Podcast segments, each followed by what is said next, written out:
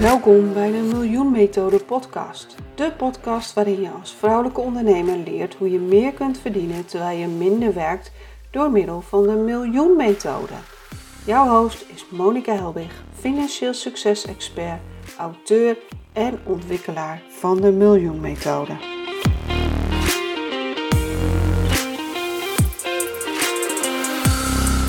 Welkom bij deze aflevering van de Miljoen Methode podcast.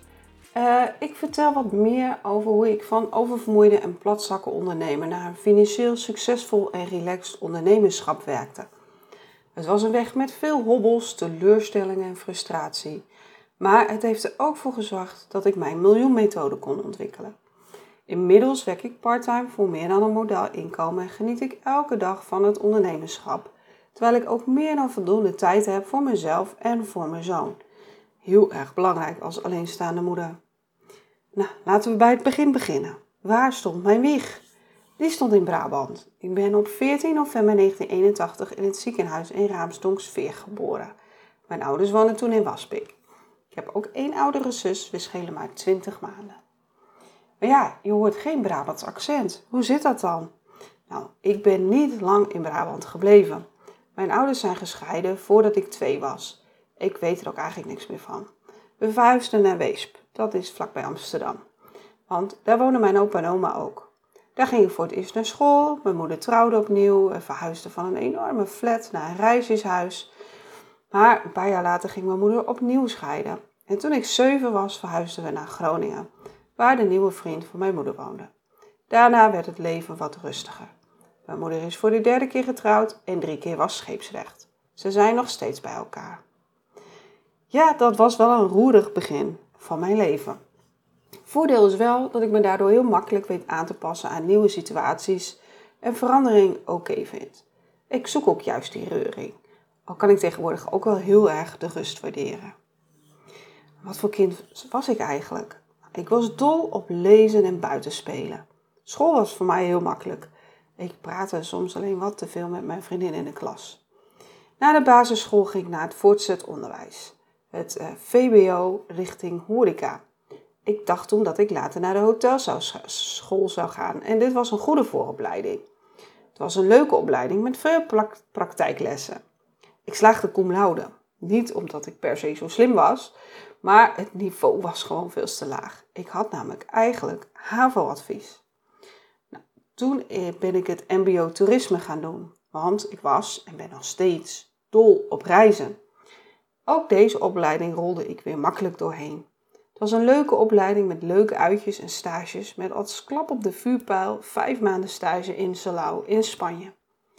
Nou, het was ook maar goed dat ik zo makkelijk leerde, want dan kon ik ernaast werken. Waarom was dat zo belangrijk, kunnen werken? Nou, mijn ouders hadden het niet breed. Ze werkten hard, maar in banen waar je niet veel geld verdiende. We waren niet arm, maar er kon ook niet veel. Ik weet nog dat ik graag op dansles wilde, maar ja, dat konden we niet betalen. En als we een auto hadden, dan waren het oudjes en vakanties waren er ook niet elk jaar. Ik kwam er al snel achter dat als ik iets wilde, ik zelf voor het geld moest zorgen. Werken zorgde ervoor dat ik leuke dingen kon kopen, leuke uh, dingen kon doen en mee kon op uitstapjes van school. Toen ik 18 werd en studiefinanciering kreeg, ben ik eigenlijk ook alles zelf gaan betalen. Dus ja, ik was eigenlijk al heel jong financieel onafhankelijk. En uh, dat wilde ik ook graag en dat ben ik altijd gebleven. Ook toen ik later trouwde, vond ik het belangrijk dat ik financieel onafhankelijk zou blijven. Wat uiteindelijk een goede keus was, aangezien ik inmiddels gescheiden ben. Maar het gaf ook wel extra druk. Ik had geld inmiddels heel erg belangrijk gemaakt in mijn leven, want door mijn jeugd had ik me voorgenomen nooit een tekort aan geld te hebben. Ik vond het zo vervelend voelen dat geld bepaalde wat ik wel en niet kon doen. Of ik op danslus kon, een auto had of op vakantie kon, dat wilde ik nooit meer meemaken. Al sloeg ik daar wel een beetje in door. Ik heb bakken met geld uitgegeven, voornamelijk aan auto's en reizen. En ondanks dat ik prima verdiende, had ik nog steeds het gevoel dat ik te weinig had. Het was zelfs de motivatie om uit de reiswereld te stappen en in de bankenwereld te gaan werken. Ik had namelijk gehoord dat je daar heel goed verdiende. Het bleek trouwens verder ook gewoon een hele goede keus. Ik heb heel veel geleerd en kreeg de kans om door te groeien en heb ook nog een HBO-opleiding gedaan. De jaren bij de bank waren heel erg leuk. Maar ja, waarom ben ik daar dan uiteindelijk weggegaan? Nou ja, best veel reden eigenlijk, maar ik hou het kort. Allereerst kreeg ik een burn-out. Er was een hoge werkdruk en dat in combinatie met mijn persoonlijkheid zorgde ervoor dat ik gewoon echt niet meer kon. Ik wist er gelukkig redelijk snel uit te werken en ben er alleen maar sterker van geworden. Ik ging weer aan het werk, dat was op zich prima, maar ik was al uitgekeken op de functie. Dus ik kreeg promotie naar een andere functie, maar daar ging het echt mis. Die functie paste gewoon niet bij mij. Ondertussen werd ik ook nog zwanger, zwanger kreeg een miskraam, daarna werd ik weer zwanger en had als bijwerking van de zwangerschap negen maanden vermoeidheid. Toen ik uiteindelijk na het zwangerschapsverlof weer aan het werk moest, zag ik daar enorm tegenop. En na drie dagen was het duidelijk: dit wil ik niet meer. Ik ben toen in gesprek gegaan en we kwamen tot een regeling. Ik mocht nog een jaar blijven, ging terug naar mijn oude functie en ging een werk naar werktraject volgen. Nou, ze denken wel, wat voor werk ben je toen gaan doen? Nou, halverwege het traject besloot ik dat ik mijn eigen bedrijf wilde beginnen. Het lijkt misschien uit de lucht te komen vallen, maar dat was het niet. Ik zat al jaren te denken dat ik mensen graag wilde helpen met hun financiële zorgen. Ik kwam ze tegen tijdens mijn werk, mensen die maar moeilijk rond konden komen. En natuurlijk had ik zelf de ervaring uit mijn jeugd. En mijn zus was misschien nog wel de grootste inspiratiebron. Ik heb haar geholpen uit de financiële zorgen te komen. Ze kon eindelijk weer op vakantie en kocht zelfs een huis. Daar had ik zoveel voldoening uit. Dit wilde ik elke dag doen. Maar ja, budgetcoach kon je alleen zijn als ondernemer en dat hield me in het begin tegen. Nou, wat zorgde er nou voor dat ik het wel deed? Nou, ik deed mee aan de staatsloterij. Ik kon 30 miljoen winnen. Ja, ik kocht een vijfde lot, want ja, 6 miljoen vind ik ook prima. Ik dacht, droomde een middag over hoe mijn leven eruit zou zien wanneer geld geen rol speelde. Ja, ik won natuurlijk niet, maar ik was wel enorm getriggerd en kon het niet meer loslaten. Zou ik echt mijn leven laten afhangen van het winnen van de loterij? Nee. Dus ik ging op onderzoek uit. Welke mogelijkheden waren er? Ik had al het besluit genomen om flink te gaan sparen en een goede buffer te hebben voor als ik bij de bank wegging. Ik wilde in één jaar 10.000 euro bij elkaar sparen. Ik bleek vanuit de WW, uh, eh, er bleek ook een mogelijkheid te zijn om je eigen bedrijf te starten met behoud van een deel van je uitkering. Ik maakte allerlei Excel-overzichten en dook in mijn financiële huishouding. Hoe kan ik het anders doen? Waar kan ik op besparen? Het zouden magere jaren worden, was mijn conclusie. We zouden niet veel kunnen doen, maar het kon wel.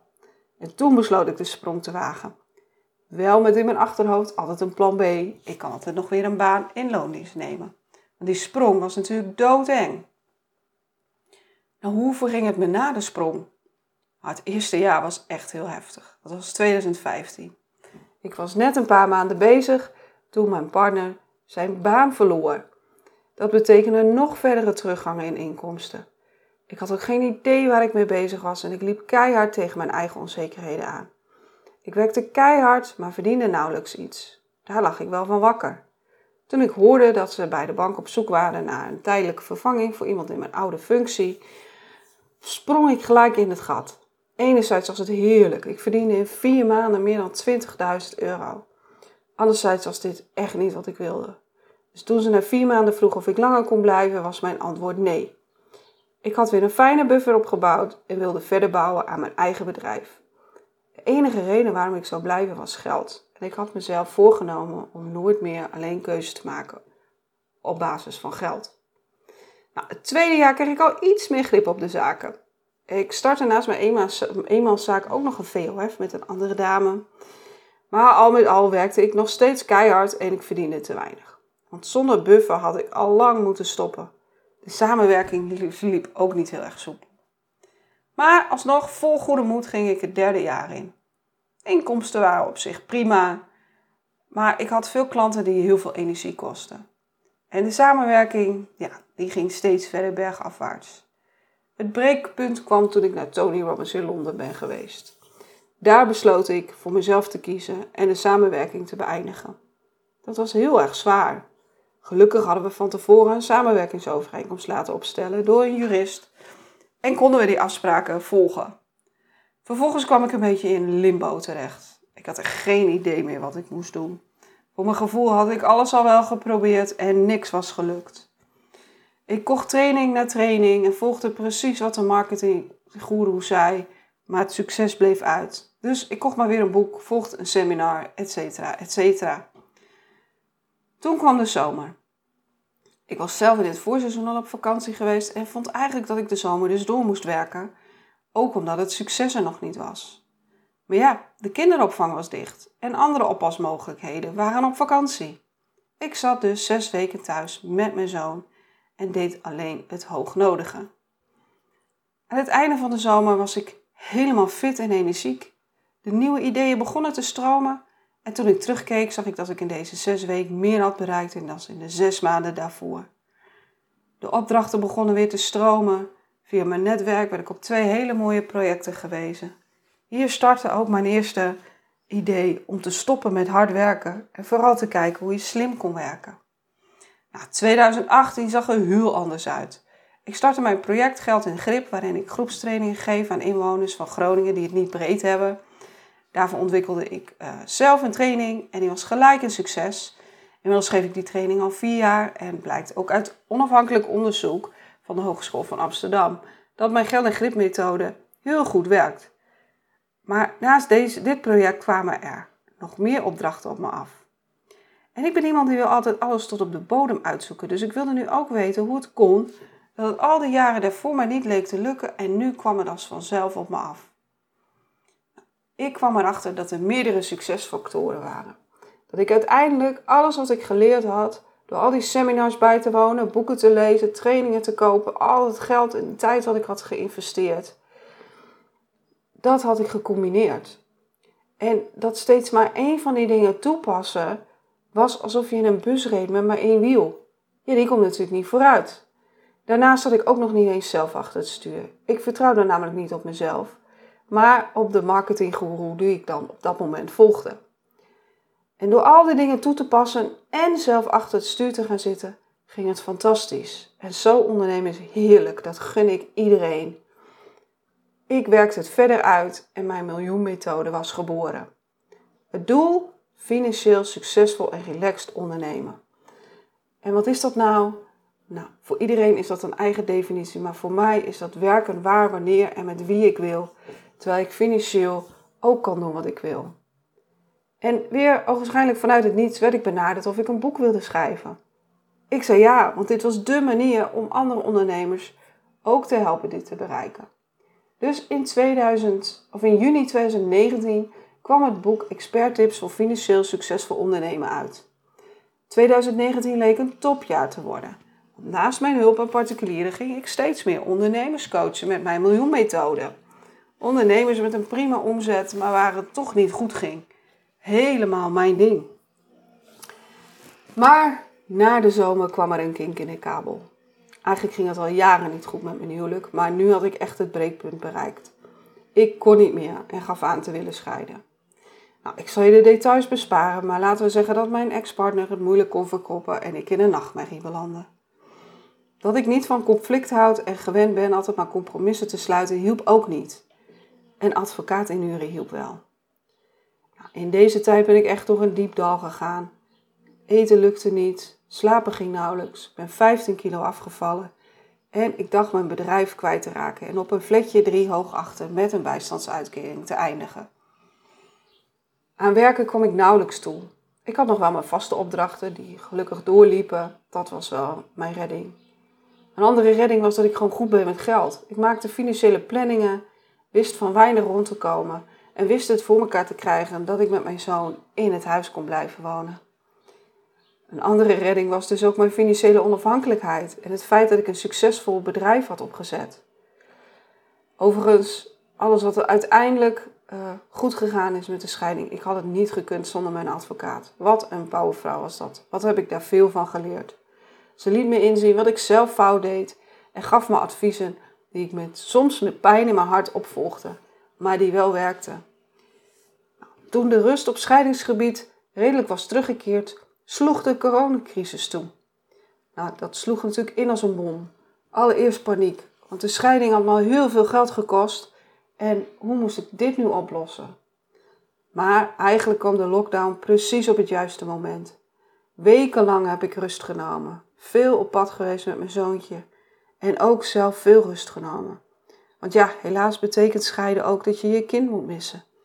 Er waren dagen dat ik mijn bed en mijn huis niet uitkwam. Zo ellendig voelde ik me, zo moe was ik. Maar langzaamaan ging het ook steeds beter en keek ik weer naar nieuwe mogelijkheden die het alleenstaande moederschap bracht en die het werk op afstand meebracht. En eigenlijk, op een gegeven moment besefte ik me, het gaat eigenlijk super goed met me. En toen ontmoette ik ook nog een nieuwe liefde. Ik, iemand die normaal gesproken de kat uit de boom kijkt, viel er keihard uit. Dit voelde zo goed. Ik ging al in en dat bleek een heel goed besluit. Het vraagt wel veel aanpassingsvermogen. Soms ben ik alleen, soms zijn we met z'n vijven. Maar het gaat echt fantastisch. Ook toen we in de tweede lockdown wekenlang bij elkaar op de lip zaten. De rust op persoonlijk vlak geeft ook veel meer ruimte en energie voor het zakelijke. Meer dan ooit komen opdrachten en projecten op mij af.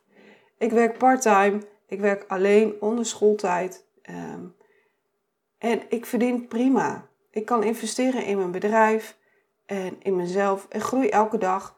Ik heb ook alle tijd voor mijn zoontje. Uh, en dat is als alleenstaande moeder vind ik dat enorm belangrijk. De toekomst ziet er ook kleurig uit. Ik heb heel veel mooie nieuwe plannen um, waar jullie mij in de toekomst nog gaan zien. Met mijn eigen methodes om mensen te helpen met hun financiën. Zowel ondernemers als uh, particulieren en mensen met veel geld als mensen met weinig geld. En ja, ik heb veel shit meegemaakt. Eigenlijk nog veel meer dan ik in deze podcast kwijt kan en wil. Het moet namelijk niet een heel depressief verhaal worden. En het moet ook geen uren duren. Maar weet je, ik ben blij met alle shit. Ik ben er namelijk alleen maar sterker uitgekomen. En ik was niet geweest waar ik nu ben. Als ik dat niet allemaal had meegenomen. Nou, elke podcastgast leg ik een aantal keuzes voor. En die zal ik zelf ook maar even beantwoorden. Lezen of luisteren? Nou, ik ben een echte lezer. Al kan ik tegenwoordig ook wandelen en dan zet ik een podcast op, zodat ik lekker kan luisteren. Zonvakantie of rondreizen? Nou, ik zeg voor rondreizen met aan het eind een weekje nog zon. Glas half vol of half leeg? Nou, half vol. Zomer of winter? Ik ben echt een zomermeisje. Bergen of zee? Ik ben dol op de zee. Ochtend- of avondmens? ja, eigenlijk een beetje een middagmens. In de ochtend moet ik langzaam opstarten. Uh, maar s'avonds moet je niet al te veel meer voor me vragen. Dus als ik dan moet kiezen, is het toch meer ochtendmens. Nou, wil je meer weten? Je kent denk ik de website www.demiljoenmethode.nl inmiddels. En nou, net als alle andere podcastgasten zal ik je nog één hele belangrijke tip geven. Mijn allerbelangrijkste tip voor ondernemers. En dat is stop alsjeblieft met hard werken en ga slim werken. Bedankt voor het luisteren naar de Miljoen Methode podcast. Ik hoop dat ik je weer heb kunnen inspireren. Wil je niks missen? Abonneer je dan op mijn podcast. Dat doe je door te klikken op de abonneerknop in je podcast app. Ik zou heel dankbaar zijn wanneer je ook een review kunt achterlaten en delen van deze podcast met een andere vrouwelijke ondernemer waardeer ik ook zeer. Mijn missie is om vrouwen financieel succesvol en relaxed te laten ondernemen. Wil je meer weten over mij, mijn boek kopen of samenwerken met mij? Ga naar www.demiljoenmethode.nl. Daar kun je ook een gratis financieel succes doorbraaksessie boeken. Je mag me ook altijd een berichtje sturen wanneer je een inzicht hebt gekregen of een vraag hebt. Stuur een mail naar info@demiljoenmethode of stuur me een bericht via LinkedIn.